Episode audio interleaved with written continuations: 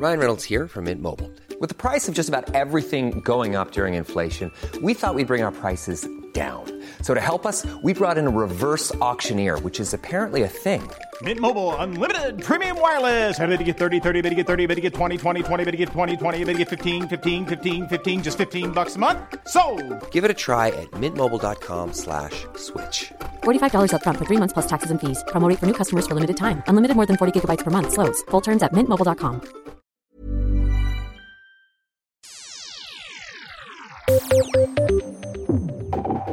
Nå må vi kutte i forbruket av rødt kjøtt, sier Sveinung Rotevatn. Venstre-stortingsrepresentanten mener det er eh, det viktigste klimatiltaket i jordbruket. Men det vil ikke klimaminister Andreas Bjelland Eriksen fra Arbeiderpartiet. Bør vi spise mindre kjøtt for klima?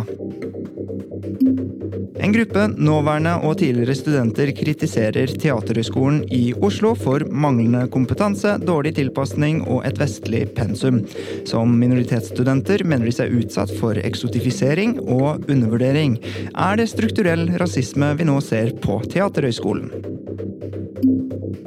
Stadig færre unge holder feminismen frem som sin viktigste hjertesak. Men feminismen er ikke ut, kampen er fortsatt viktig, mener VG-kommentator Selma Moren. Er feminisme på vei ut?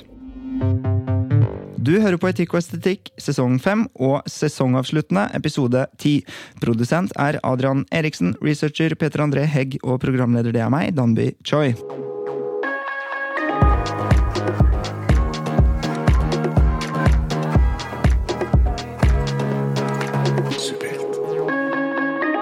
Med meg i studio har jeg i dag selveste Karoline Skarstein. Skarstein er leder av eh, Fri Rogaland og har bemerket seg som en samfunnsengasjert transkvinne som kjemper transpersoners sak og for deres rettigheter.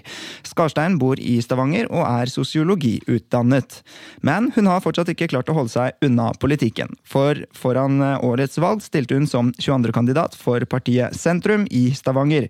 Velkommen så mye til deg, Karoline Skarstein. Takk. Nylig sa du under podkasten helt ærlig at du angrer på måten du kom ut av skapet på. Hvorfor gjør du det? Du har gjort research òg, ja. Ja, ja, ja. Um, nei, det, det jeg har sagt, og det som jeg har tenkt veldig mye på i det siste, er at jeg angrer på at jeg ikke tok meg uh, mer tid. At jeg ikke tok bedre vare på meg sjøl i den prosessen. Uh, altså, når jeg kom ut, så føltes det litt som at på en en del medier sto på døren, eh, og jeg sa ja. eh, og var euforisk og skulle liksom endelig snakke om disse tingene. Men sånn i retrospekt så kjenner jeg at ja, jeg skulle ha ventet litt. Jeg skulle ha ja, eh, gitt meg sjøl bedre tid. Følte du deg litt sånn presset ut av skapet? Nei, jeg ble ikke presset ut av skapet, men før jeg kom ut, så eh, drev jeg med noe så tullete eh, som studentjournalistikk. Sånn at når jeg da kommer ut, så var det en del medier som allerede der fikk det med seg. Fordi de, de kjente gjerne til meg fra før av. Sånn at det ble Kall det mer en sånn eh, form for kickstart. Eh, som var litt sånn vanskelig å Ja. Og så er det klart, når du, når du kommer ut, så eh, skal du kanskje endelig sant, begynne å snakke om noe som har vært hemmelig såpass lenge. Og så får du en sånn eufori ved det, og du får en sånn enorm glede ved det. Og da er det liksom vanskelig å tenke at nei, jeg skulle ha trukket pusten først og ja, gitt meg sjøl bedre tid. Eh, Du har en travel dag eh, og skal nå etterpå delta på årsmøtet til FRI. Hva er det dere snakker om der? Bortsett fra å konspirere og endre lovverker og drive lobby og den skumle pride-bevegelsen. Eh, vi skal ha landsmøte, et ekstraordinært landsmøte der vi skal velge en uh, ny ledelse. Eh, det har jo vært en gående sak der. Eh, så det er vel egentlig sånn den eneste saken denne gangen. Eh, Og det har nettopp blitt valgt en ny leder. Nei, hun velges Altså, hvis hun blir valgt i morgen. Nemlig. Og kommer du til å protestere mot det? Nei, jeg ser ikke noen grunn til det. Du er altså en transkvinne og jobber i FRI. Kan du fortelle kort hva en kvinne er for deg? Eh, jeg, jeg, jeg, jeg ventet egentlig på det. Eh, altså, jeg tenker jo, jeg har jo selvfølgelig den vide definisjonen om at en, en kvinne er en som definerer seg, eller som uh, ønsker å presentere seg som en kvinne. Uh, og så tenker jeg at man har uh, både biologiske definisjoner og mer fenomenologiske definisjoner, og sosiologiske definisjoner, og identitetsdefinisjoner. Sånn at det kommer litt an på på måte, i hva henseende man, man snakker om det og spør om det. Du har gått forfatterstudiet. Er det en vordende forfatter i deg vi ser, og i så fall, hva blir boken om?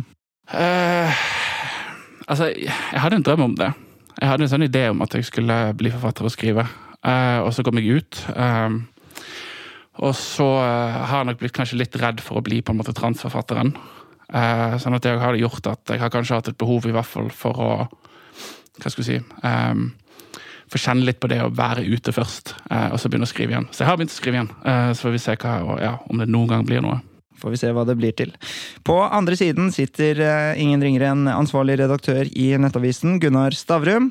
Stavrum har blitt en ringrev i den norske mediebransjen. Han har arbeidet som journalist og redaktør i bl.a. TV 2, Kapital, DN og Bergens Tidende, før han altså endte i Nettavisen. Stavrum tok en såkalt cand. mag. tilbake i 1985 i samfunnsfag og IT ved Universitetet i Bergen. Han har også skrevet en rekke eh, biografier om næringslivsledere som Petter Stordalen, Jan, Jon Fredriksen og Kjell Inge Røkke. Og sannelig har han ikke det siste året gründet lokalavisen KRS i Kristiansand sammen med Amedia. Stavrum er gift med tidligere etikk- og estetikk-kjenning Kjersti Løken Stavrum. Velkommen så mye til deg, Gunnar Stavrum. Ja, tusen takk. Du er en av de sjeldne mennene som får klistre på deg eh, et stempel om at du liksom er mannen til noen. Altså, Veldig mange kvinner får jo høre at de er kona til noen. Åssen føles det å være sammen med en subjektkjendis? Det er helt fantastisk. Jeg syns det er så bra å være sånn eh, vedheng på, på fester jeg aldri hadde blitt invitert til. Og jeg ville også synes det var supert eh, å ha en kone som tjener mer enn meg i mange år framover. Oi, det er kult. Og du, jeg, skal, jeg kom på noe mens jeg spurte Karolina at jeg skal spørre deg også. Hva, hva legger du i, i å være en mann?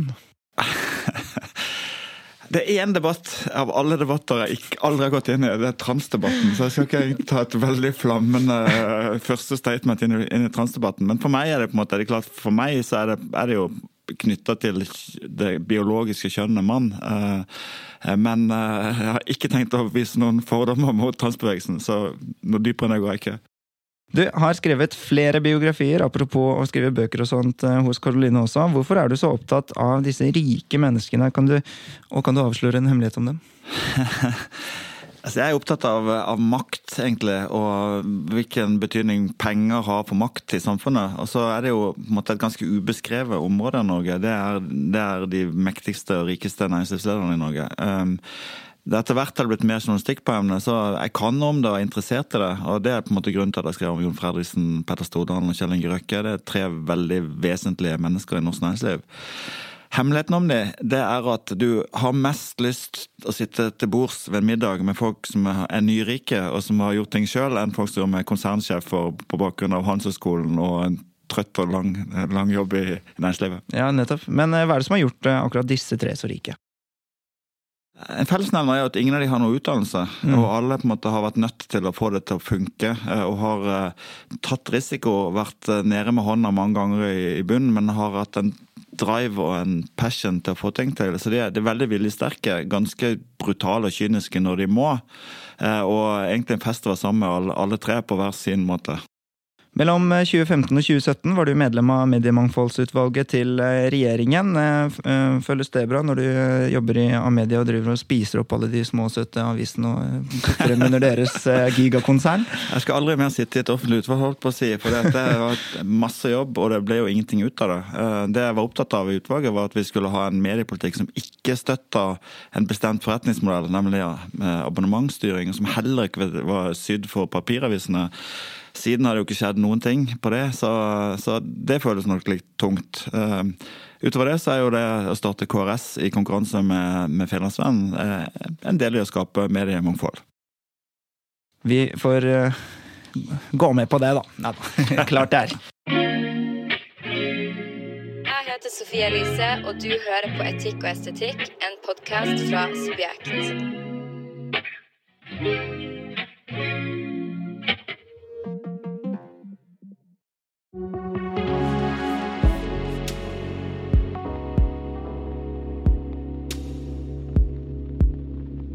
Nå må vi kutte i forbruket av rødt kjøtt. Det mener i hvert fall Sveinung Rotevatn. Eh, og han, som er Venstre-stortingsrepresentant, mener det er det viktigste klimatiltaket vi kan eh, bruke i jordbruket. Men det vil ikke klimaminister Andreas Bjelland Eriksen fra Arbeiderpartiet. Bør vi spise mindre kjøtt for klima, Karoline? Ja. Burde vi spise mindre kjøtt for klima, Gunnar? Ja. Ok, da får jeg være han der rødt kjøtt-forkjemperen. Hvorfor det? Hjelper det, syns du? Uh, hva jeg syns, tenker jeg er litt sånn irrelevant. Uh, forskningen har jo vært ganske klar her. Uh, det er jo en del av saken òg. Men det kommer anbefalinger, klare anbefalinger på at eh, å kutte forbruk av eh, rødt kjøtt og det er, ikke, det er ikke snakk om man skal kutte det så innmari mye heller. Eh, altså Det ble sagt at eh, hvis bare menn hadde kuttet det ned til nivå av det kvinner vanligvis spiser, så er vi på en måte på god vei. Eh, så tenker jeg at det, ja, det, det burde man klare eh, etter hvert. Argumenterer du på samme måte? Ja, men eh, altså, jeg er jo er nesten vondt å ha et standpunkt som er litt som flertallsstandpunktet, men, jeg- men jeg, mener jo at klimakrisen er en, en sivilisasjonstruende krise, en fundamentalt kjempestor krise. Og jeg tenker at de til, alle tiltak vi kan gjøre som faktisk får ned klimagassutslipp, er bra. Og, mm. og jeg synes det er nesten ekkelt å lese hvordan jordbruket forholder seg til klima, eh, og hvor motstandere de er av alle tiltak, om det så er CO2-avgift eller om det er rødt kjøtt. Altså, eh, jordbruket må også ta sin del av, av det grønne skiftet, og vi som forbrukere må gjøre det ved å spise mindre kjøtt. Dessuten er det, helse, det er bra for helsa å spise mindre kjøtt. Ja, men så er det også eh, ganske mange som eh, popper opp og blir store, som Marit Kolby og flere sånne matinfluensere i det siste, som eh, mener at kostrådene som gis fra staten, rett og slett er eh, grønnere enn de er sunne. De er mer klimavennlige enn de faktisk er gode kostråd for mennesker. da, At kjøtt er bra sånn i utgangspunktet, og at kjøttfri mandag eh, i barnehagen osv. hemmer utvikling osv. Hvor er det Altså, er, det, er dette kostråd, eller er det klimaråd vi ser? Altså, det sies jo at det er begge deler. Uh, hva som på en måte er Kall det sånn uh, dominerende motivasjon, uh, kan man jo selvfølgelig spekulere i. Jeg, jeg, jeg, tenker, altså, hadde, man, hadde man gått ut og på en måte sagt at her skal man kutte kjøtt, man skal ikke spise kjøtt i det hele tatt, eh, sånn som eh, man kanskje av og til har vært redd for, eller, eller det har kommet anklager om, så kunne jeg på en måte skjønt bekymringen. Men det er ikke snakk om at man skal eh, fjerne det fra kostholdet heller. Det handler om å redusere det. Um, og så tenker jeg at jeg eh, min, min på en måte forskningskompetanse på dette her er litt uh, begrensa, så jeg tror jeg skal prøve å holde meg til i hvert fall til å stole på de fagfolkene. Ja, Ja, ehm, jeg er nok også der. Så inntil videre så stoler jeg mer på fagfolkene. Jeg stoler på matinfluenserne på akkurat det punktet. Men, eh, men hvis vi holder oss til klima, da. Altså, eller jeg vil bare si én ting rundt mat, matgreiene. Det er jo på en måte spesielt sånn prosessert mat som det advares mot. og det, det, det der sier magefølelsen min at det er noe også. Altså, sånn at vi, vi sp- spiser altfor mye dritt vi ikke vet hva er. Sånn, liksom, jeg snakker ikke egentlig nødvendigvis om en, en biff som ikke er påvirka noe som helst eh, når jeg snakker om det. Men klimamessig er det jo ikke noe tvil om at, at det å få ned metanutslipp fra jordbruket og mm, redusere kjøttforbruket i Norge, det er bra av mange grunner, og også klima. I et intervju med Nasjonen sier klimaminister Andreas Bjelland Eriksen at han ikke vil redusere produksjonen av kjøtt. På spørsmål om det ikke bør være et mål at folk spiser mindre kjøtt, legger han knapt vekt på klima i det hele tatt. Han sier det å følge kostholdsrådene kan være bra for deg, de rådene finnes jo av en grunn. Vi burde sikkert alle trent litt mer og sovet litt mer også, sier han til avisen. Og det mener folk altså er flåsete og litt sånn teit sagt. Sveinung Rotevatn beskylder klimaminister Andreas Bjelland Eriksen for å være mer kjøttvennlig enn landbruksministeren sjøl, altså Geir Pollestad i Senterpartiet, og da skal man være ganske eh, landbruksvennlig og kjøttvennlig. Men eh, det å redusere den store produksjonen og konsumet av rødt kjøtt i Norge er et av de viktigste miljøtiltakene for å nå 2050-målene, sier Rotevatn, og henviser til Miljødirektoratet. Direktoratet mener at man må kutte rødt kjøtt i tråd med, nye, med de nye kostholdsrådene. Jeg tror dere vi kommer til å nå disse eh, målene? Altså, Er det sannsynlig at folk kommer til å eh, spise mindre kjøtt? Altså, Det er jo så utrolig godt, for å si det banalt. man, man blir jo avhengig av disse tingene. Jeg tror det. altså det er jo, Jeg tror jo på en måte politikk virker, men Men hva slags politikk skulle virket da? Er det straffe? jeg tror altså- ikke sånn der eh, altså Jeg tror på en måte appellere til folks fornuft er på en måte bedre enn å si at nå er det kjøttfri servering hver onsdag i rådhuset eller mandag, uansett om du vil eller ei. Så valg Jeg tror på en måte, jeg tror på nudging. Det det å legge til rette for at vi tar valg som er gode for oss, uten at vi på en måte nødvendigvis tar så bevisste ting rundt det. Altså Rekkefølgen på ting når du går på et koldtbord betyr hvor stor tallerken er betyr, betyr mye. Og så blir jeg helt jeg sliter med sånne saker typen Tenk at noen sier at det er lurt å spise mindre og trene mer. Altså, det er lurt å spise mindre og, trene mer. Jeg leste i dag en sak om eh, BDO, hvor en, en leder hadde sagt at eh, at eh, folk som på en måte Nei, unnskyld, det var DNB. Hvor folk som, folk som på en måte tar litt vare på helsa si, presterer bedre på jobb, tenker jeg. Altså, Blir du krenka av å høre noe som faktisk er eh, riktig? Eh, det må vi tåle. Vi eh, snakker om eh, en eh, nokså ambisiøs eh, klimamålsetting her. Er du, eh, tror du vi kommer til å nå den? Eh, Klimamål? eh, Nei. Eh, At vi kan få senket altså eh, mengden kjøtt vi spiser, det, det tror jeg nok, og jeg er nok enig i at politikk funker. Eh, Men så tror jeg òg det, det er jo kunnskapsaspekt her. Jeg tror jo um, Bare det å, det å faktisk lære folk om alternativer, uh, altså andre måter, uh, altså andre retter, andre måter å lage mat på. Uh, og Der tror jeg nok òg at skolen og barnehagen og på en måte de, den maten man serverer der, spiller en rolle. Det har en betydning for den opplæringen. Så det er litt sånn Ja, jeg, jeg Altså, jeg vet at jeg spiser altfor mye kjøtt. Uh, og, jeg, og jeg får litt sånn vondt hver gang disse debattene kommer opp, og så er det alltid en eller annen som står i en eller annen avis og griner over at kjøttbollene på Ikea har fått en mindre andel uh, kjøtt for seg. Og, og det er litt sånn disse, De debattene blir liksom alltid trukket ut i det litt sånn absurde. Vi har godt av å kutte uh, kjøttforbruket. Um, så det er litt sånn Ja, kanskje spre kunnskap om hvordan, på en effektiv måte. Ehm, jeg var vegetarianer i tre år, eh, faktisk, og, ble, og merket til slutt at jeg hadde ikke tid til å være det mer. Eller, altså, det er så vanskelig å finne erstatninger, og ikke minst dyrt Og, så videre, og det finnes selvfølgelig politikk for disse tingene. Man kan gi avgift på kjøtt og mindre avgift på, på um, alternativer. Men eh, når jeg hører at eh, vi skal spise mindre kjøtt, og også ser hvor mye motstand det møter, eh, fordi at folk eh, liksom rett og slett er keen på å spise kjøtt, og gjerne billig s- og få, man må få med seg så mange på det for at det skal være effektivt. Så blir jeg litt sånn eh, bekymret når jeg ser at sant? Det, Tall fra SSB viser at det, det viktigste er jo å kutte i olje- og gassutvinningen, og så kommer industri og bergverket, og så kommer energiforsyningen, og så kommer oppvarming i andre næringer og husholdninger, så kommer veitrafikk, så kommer luftfart, sjøfart, anleggsmaskiner og mer. Så kommer jordbruket.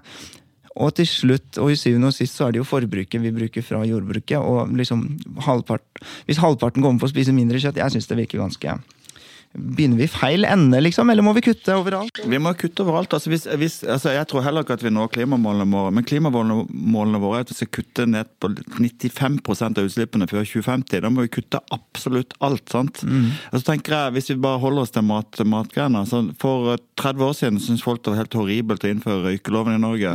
Hvorfor kunne ikke røykere få lov til å gjøre det? I dag, I dag blir det jo sett rart på hvis du går og røyker på gata. Altså, Det har skjedd noe med Er det derfor folk ser så rart på meg? Kan være flere grunner.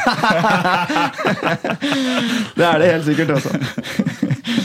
Yo! Det er Uge Marstein eh, her, fra Undergrunn Klikk. Du hører på Etikk og estetikk av Subjekt. You know the shit.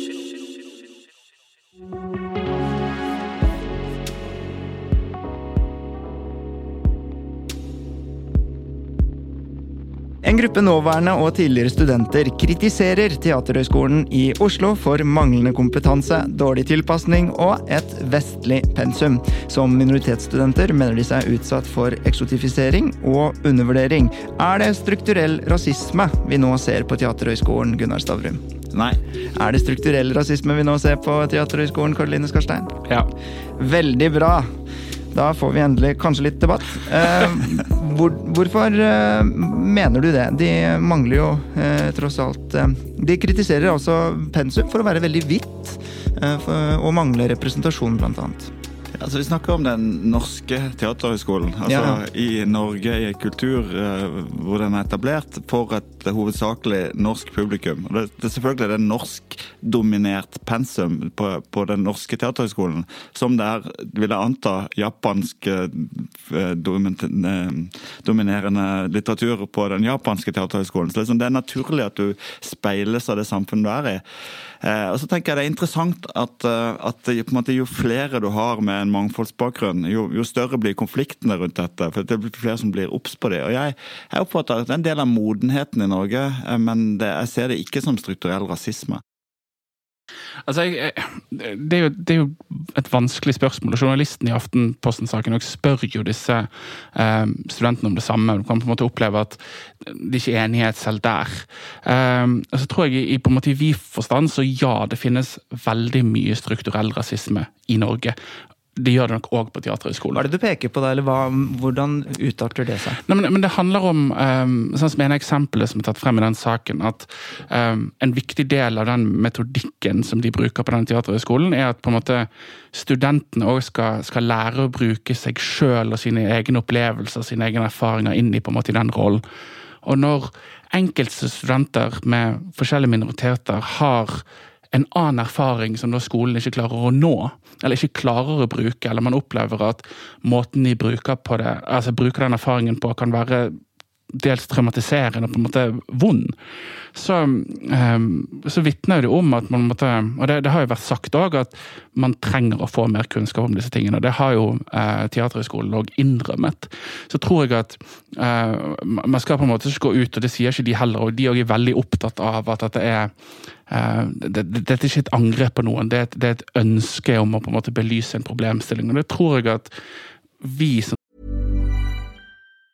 Hey, it's Ryan Reynolds, and I'm here with Keith, co star of my upcoming film, If, only in theaters, May 17th. Do you want to tell people the big news? All right, I'll do it. Sign up now and you'll get unlimited for $15 a month in six months of Paramount Plus Essential Plan on us. Mintmobile.com slash switch. Upfront payment of $45 equivalent to $15 per month. Unlimited over 40 gigabytes per month. Face lower speeds. Videos at 480p. Active Mint customers by 531.24 get six months of Paramount Plus Essential Plan. Auto renews after six months. Offer ends May 31st, 2024. Separate Paramount Plus registration required. Terms and conditions apply if rated PG. Millions of people have lost weight with personalized plans from Noom, like Evan, who can't stand salads and still lost 50 pounds. Salads, generally, for most people, are the easy button, right? For me, that wasn't an option. I never really was a salad guy. That's just not who I am. But Noom worked for me. Get your personalized plan today at Noom.com. Real Noom user compensated to provide their story. In four weeks, the typical Noom user can expect to lose one to two pounds per week. Individual results may vary. sitter og ikke har eh, Kall det den minoritetserfaringen, må eh, tåle å høre. Vi må tåle å på en måte høre at det å ha eh, Det å møte majoritetsbefolkningen med den type minoritetserfaring kan være utfordrende. Um, og vi må tåle å diskutere det. Og så tror jeg ikke det er snakk om, som, som Gunnar er inne på, at det er klart pensum vil nok alltid være dominert av en form for, for vestlig teatertradisjon. Eh, og jeg opplever ikke at noen sier at det skal være 50-50 heller, men det er noe med å få inn noe mer av mangfoldet og vise at det finnes andre teatertradisjoner andre steder i verden òg, som, som norske skuespillere òg kan ha godt av å lære seg. I pressen så kjemper vi jo for det hele tiden, at eh, man skal ha journalister av ulik eh, bakgrunn, og at eh, man skal representere sider av befolkningen osv. Hva, hva tenker du om det, og gjør det seg gjeldende i teatret, og hvorfor ikke eventuelt? Her prøver jeg å ta rollen som hvit, hvit, middelaldrende mann. Eh, jeg, jeg, jeg, jeg skal komme til det, men jeg, jeg syns det var på en måte en del interessante ting i denne saken som jeg ikke var klar over. Eksempel det at, at det var et problem at ikke det var nok uh, sminke til å, til å, sminke seg mørkere i huden. Hvis man da på en måte i utgangspunktet er mørk i huden og skal spille en, en, en rolle. tenker jeg, normalt, Det jeg har hørt om til nå, er jo rett og slett problemet med, med blackfacing. Med å gjøre det, ja. Med å gjøre det. Jo, men, jo, det men, nei, men det, det handler jo, jeg tror dette handler om at de som eh, Hvis de er mørke i huden, så skal det jo finnes uh, sminke for dem også. Ja. Ja, ok. Greit nok. Da har jeg da misforstår det poenget. Men jeg tenker at, at uh, Jeg skjønner deres opplevelse, men jeg tenker også det at uh, man må også på en måte akseptere hva dette er en utdannelse til, og hva det er rollene man skal spille. Jeg så en av de sa at hun eller han ikke kjente til Ibsen noe særlig fra før. Så tenker jeg det, det kommer du til å møte på hvis du skal være skuespiller i Norge, da. Men eh, dette er altså eh, fire nåværende studenter på Teaterhøgskolen og to som ikke lenger går der. Alle har etnisk minoritetsbakgrunn. De har blitt eh, intervjuet i Aftenposten og mener at eh, de blir utsatt for undervurdering og eksotifisering. Karoline, noe av det de problematiserer, er altså at de som minoritetspersoner må spille minoritetsroller. og Jeg skjønner jo at noen av disse er jo litt sånn Hvis man skal innfri på stereotypier, da, så må jo på en måte au pairen være en filippiner, og da er det bare sånne roller du får, f.eks. Og sånne ting skjønner jeg at man fort kan bli litt lei av.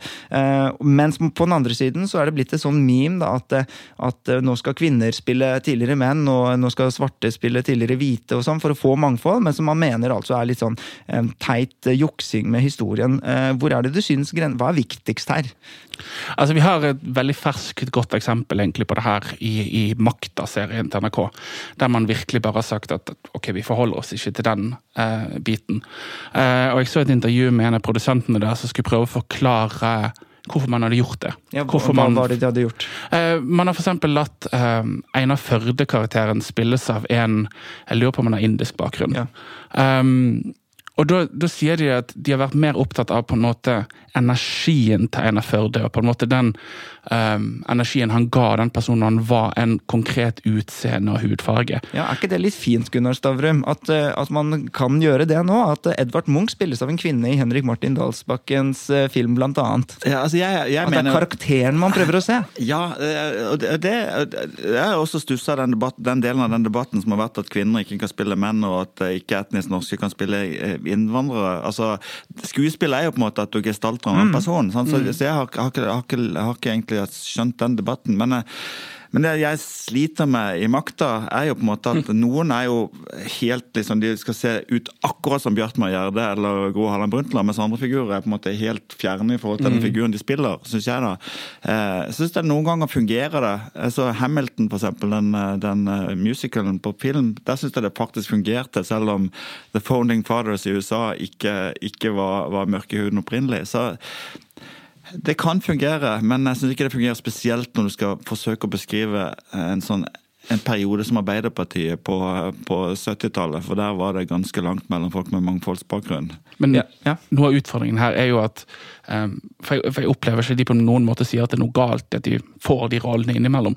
Uh, problemet er til stort sett bare det man får. Ja, og, og, ikke sant, hvis man, eh, For å dra en parallell, da, så er det altså noen jurister jeg har snakket med som snakket om eh, ChatGPT og eh, AI som skulle redde jurister fordi at de kunne gjøre lovarbeidet så mye enklere. da, Algoritme, AI, kunstig intelligens.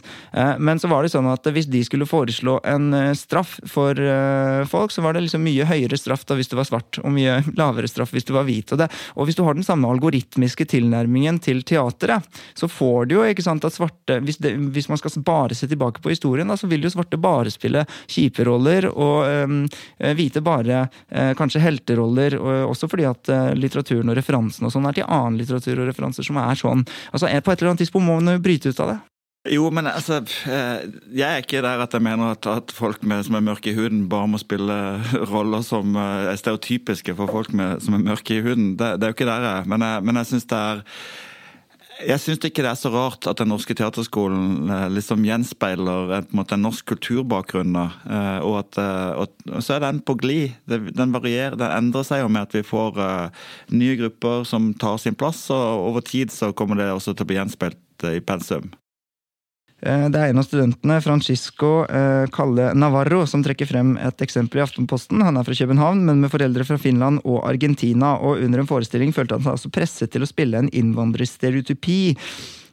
Er det, er det litt sutrete? Er du ikke blitt skuespiller, liksom? Du bare, kan du ikke bare ta på deg en sånn jobb, da? Det, hvem skal gjøre den ellers? Um, igjen, altså jeg tror vi har litt vanskelig for å sette oss inn i på en måte den minoritetserfaringen.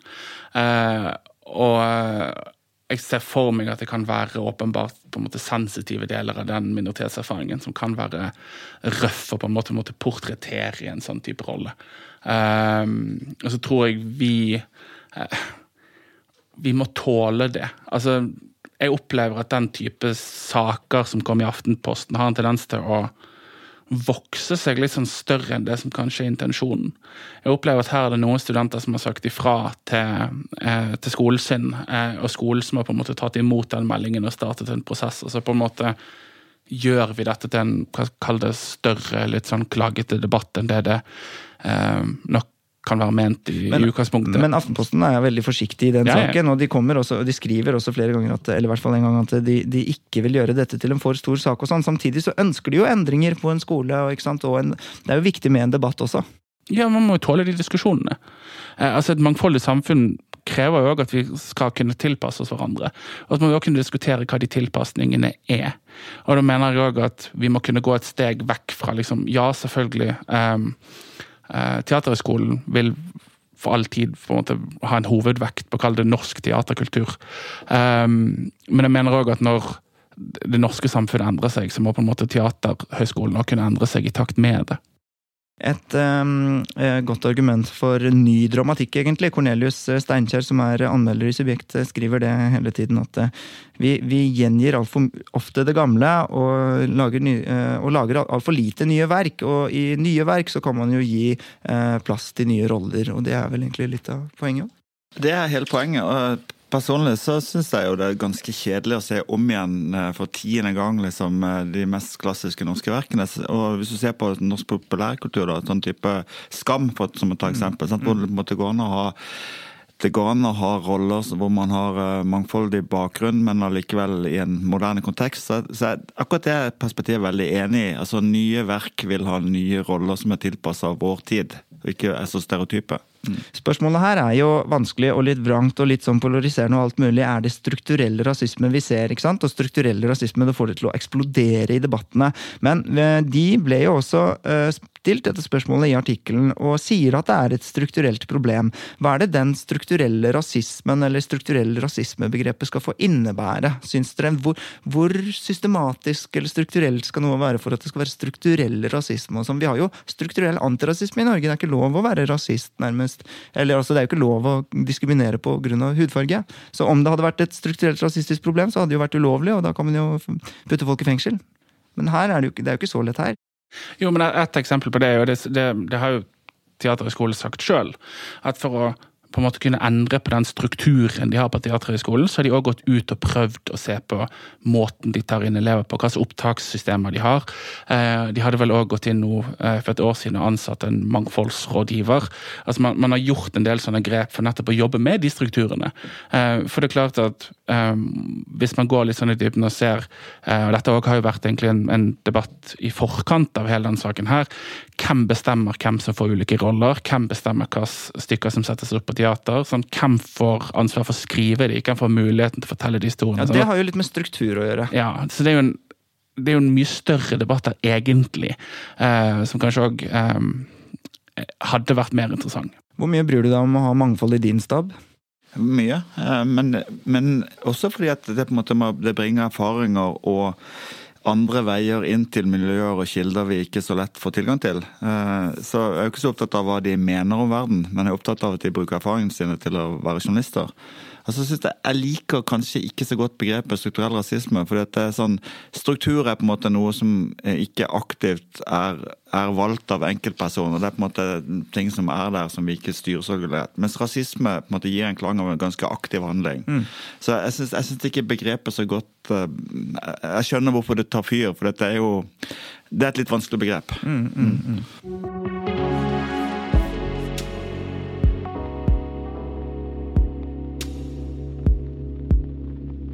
Stadig færre unge holder feminismen frem som sin viktigste hjertesak. Men feminismen er ikke ut. Kampen er fortsatt viktig, mener VG-kommentator Selma Moren. Er feminisme på vei ut? Nei. Er feminisme på vei ut? Ja. Ja. Kult. Eh, altså, måten du sa det på nå, det virker som om du, du, du ikke helt ville, men eh, altså det ehm, Hvorfor mener du det når vi altså Altså, det finnes litt statistikk på dette. Opinionrapporten viste at feminisme ikke er like populær som før, da. Jo da, eh, og det er klart det vil jo alltid være strømninger, og det vil alltid på en måte være bevegelser. Eh, selv om moren òg har, har jo snakket om hvordan eh, Altså hvordan for, å si det rett ut, er stille nå. på en måte på den, den, Vi har ikke så mange av de feministiske kampene fremme. Sant? Hadde plutselig noen regjering gått ut og sagt at vi skal um, um, f.eks. skrenke inn på abortloven, så skal jeg love deg at andelen som hadde sagt at, at feminisme var viktig for dem, hadde økt. Uh, og så Hvis du så på tallene, så har vel andelen kvinner som opplevde at feminisme var viktig for de sunket med hva var det, 2 eller noe sånt. Det er veldig små variasjoner. Altså, som Opinionrapporten har vist at særlig blant uh, unge menn så har jo ytringsfrihet blitt liksom mm. den viktigste saken. Og så har blant unge menn og kvinner samlet så har feminisme uh, sunket masse. Klima og miljø har sunket masse. masse. Nei, fra andre til tredje og så fjerdeplass. Ja. Um, det er blant de viktigste sakene fremdeles. Statistikken for kvinner da viser seg at interessen hadde sunket med jeg lurer på noe 2% okay, okay, okay. Også, uh, Men det ser ut som om sånne uh, saker vi holdt veldig høyt bare for noen år siden, altså klima og miljø, bistand um, mm. og disse tingene har blitt mindre populært. Og så har ytringsfrihet uh, blitt veldig populært. Hvorfor har det skjedd blant unge menn, tror du? jeg tror liksom et det har vi jo sett over tid. F.eks. når vi tar undersøkelser om hva folk mener om, om kommentarfelt, så har jo på en måte unge vært mye mer liberale i forhold til hva som bør være lov å ytre seg både i kommentarfelt og, og eh, i, på sosiale medier. Så jeg tror, jeg tror, den jeg tror det er en verdi som måtte sitte ganske hardt. da, og, og så har jo eh, Vi hadde en Fremskrittspartipolitiker i det siste valget som faktisk appellerte akkurat til den gruppen med, med den typen budskap. Eh, så Det tror jeg nok er grunnen til at unge menn akkurat det der jeg tror, Og jeg tror ikke det betyr at de er antifeministiske. Og jeg er heller ikke antifeministisk i den forstand at jeg mener at, det, at jeg er imot likestilling mellom, mellom kjønnene. Men jeg mener vel at det, måte, det, er, det, er, andre motsetninger i det norske samfunnet som er mer brennende og større enn en forskjellen på menn og kvinner i, i dag. Så derfor Derfor svarer jeg, litt som du påpekte, litt, eh, litt drygt når jeg sier at det, det, er ut. Men eh, jeg skjønner at den ikke er så viktig. Ja, kan, er, Har han et poeng her, Karoline? At Nei, men, feminisme var mye viktigere før? Nei, men Jeg tror feminisme òg forandrer seg. Eh, og så tror jeg eh, Det er litt sånn vanskelig å forenkle det til kall det én form fem, fem, øh, for feminisme. Altså Man ser forskjellige strømninger der. Man ser forskjellige bevegelser der.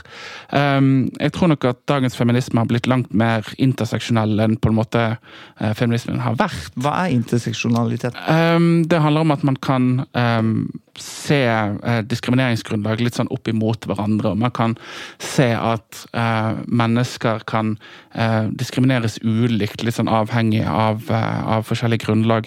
For eksempel noe så enkelt som at vi har en tendens til å snakke om ja, menn og snakke om ja, kvinner og eh, kvinner og menns opplevelser, men det finnes jo òg for forskjellige typer kvinners opplevelser. Det er eh, kvinner med funksjonsnedsettelser sine opplevelser kontra andre kvinner. Også Transkvinner, svarte ja. kvinner. Mm, mm.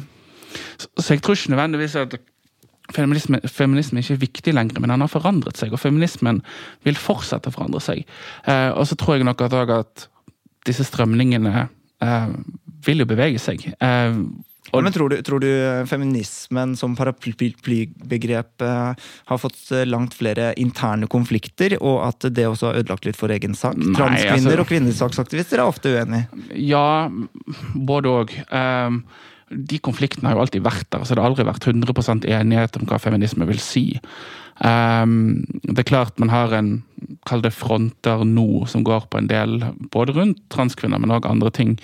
Um, som dessverre skaper støy, men jeg tror ikke nødvendigvis det er det som utfordrer feminismen. Men man kan jo også spørre seg om liksom, Hadde du gått på gaten og spurt unge jenter i dag om de på en måte opplever at den Kall det den litt sånn tradisjonelle feminismen representerer de, så er det nok ganske mange som ville sagt nei. Uh, men jeg vil ikke si at feminisme ikke betyr noe. Det handler kanskje mer om uh, den ideen som uh, de da gjerne har hatt om feminisme. Altså Feminisme finnes jo i alle deler av samfunnslivet på et vis. sånn at det er jo eh, kanskje langt mer kompleks å si at han er Uh, altså det, det, er en langt mer kompleks problemstilling kunne si at den ikke er viktig lenger. Hva tror du? Tror du at de interne stridighetene i feministisk bevegelse har bidratt til det dårlige ryktet? Ja, men jeg tror kanskje mer at, at, at den, den, opprinnelige kvinnebevegelsen på, på 70-tallet altså Min mor hadde alle utgaver av Sirene eh, fra 75 når det begynte. Sant? Eh, hvor vi hadde en, et samfunn hvor kvinnelig yrkesdeltakelse var veldig lav. De var hjemme med barn. De hadde ikke egen inntekt. Altså, til dagens samfunn, hvor på en måte den delen som er en del av, av majoriteten i Norge, som er i yrkeslivet, det er, veldig, det er egentlig ganske lave lønnsforskjeller hvis du ser på like, like jobber. Så jeg tror liksom flertallet kvinner i dag opplever Norge som et veldig likestilt samfunn. Så, så der, Derfor tenker jeg at det er andre motsetninger som er blitt mye viktigere, f.eks. mellom de som er innenfor og utenfor, uh, utenfor yrkeslivet. De som, de som har et utenforskap, de som ikke deltar i valg. De som, altså det er mange andre motsetninger i Norge som føles mer på kroppen enn liksom den klassiske feminismen. Da. Ja, og Det eh, bringer oss også over til det jeg syns du sa, Karoline, som også var et veldig godt poeng. At det hadde, liksom, hadde vært en abortsak som var den viktigste akkurat nå, eller noe sånt, så hadde det kanskje vært eh, grunnen til at feminisme fortsatt sto på pallplasseringen. Men det er andre ting som altså er viktigere nå. Det er jo ikke bare at feminismen har blitt mindre populær, men det er ikke minst dyrtid. Eh, det merker til og med de unge, mm. og det, sånne saker blir viktigere. Mental helse har blitt viktigere, ytringsfrihet har blitt viktigere, eh, og så videre også. Ikke minst homofiles rettigheter, LHBTQ Q pluss rettigheter. Jeg er så glad ikke du engang kan det. jo, jeg kan det. LHBTQIA. Ja. Jeg, Nei, kan du ikke? Fy søren. LHBTIQA pluss. Å ja. Nei. LHBT... LHB... LHBTQI Av og til er det deilig å være en hvit middelaldrende mann. QIA 2SA pluss. Ja, hvis du skal ta det veldig langt, så ja. ja. Men, men, eh, men, eh, hva er eh, den viktigste feministiske saken nå, da, syns dere? Um, det er klart um, Ikke for å liksom høres ut som woke-marerittet ditt, men uh, Det er klart en er jo selvfølgelig veldig opptatt av på en måte transdelen av det, Um, men jeg tror ikke man skal på en måte marginalisere det til det heller. Jeg tenker det ligger en, en større mangfoldsdiskusjon her. Eh, Gunnar var inne på det sted òg. Eh, det er noen i det samfunnet her som faller utenfor. Eh, som faller utenfor enten det er jobb eller studier, eller som sliter mer psykisk enn andre. og minoriteter, forskjellige minoritetsgrupper er blant de, enten det er snakk om skeive eller eh, folk med en annen etnisk bakgrunn. Eh, så jeg tenker feminismen ligger nok der, og jeg tror eh, den eh, interseksjonelle feminismen ligger nok der. Hva skulle man lest i Sirene i dag?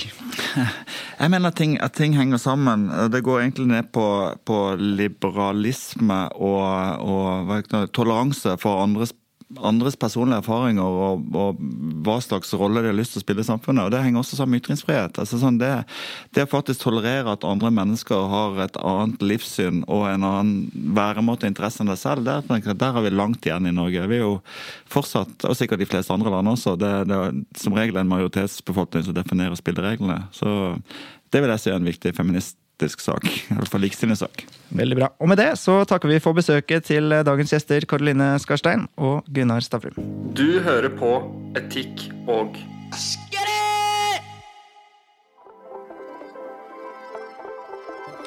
Tusen takk til eh, gjestene som eh, nok en gang eh, bidrar med kunnskap og klokskap til subjekt og etikk og estetikk. Vi håper at du kan følge oss der hvor det er relevant. På Facebook så har vi også en egen Facebook-gruppe som heter Etikk og estetikk. Der diskuterer vi samtaleemner som er relevant for podkasten, rett og slett. Eh, og for subjekt, selvfølgelig. Eh, det er også veldig hyggelig om du kan legge igjen en sånn stjernerangering på Apple Podkaster, om det er der du hører på oss, eller eh, anbefaler podkasten videre til den eh, du eh, ønsker å gjøre det til. Ellers så har jeg lyst til å si tusen takk til eh, Fritt Ord, som siden start har støttet Subjekt, men også podkasten Etikk og estetikk. Thank you.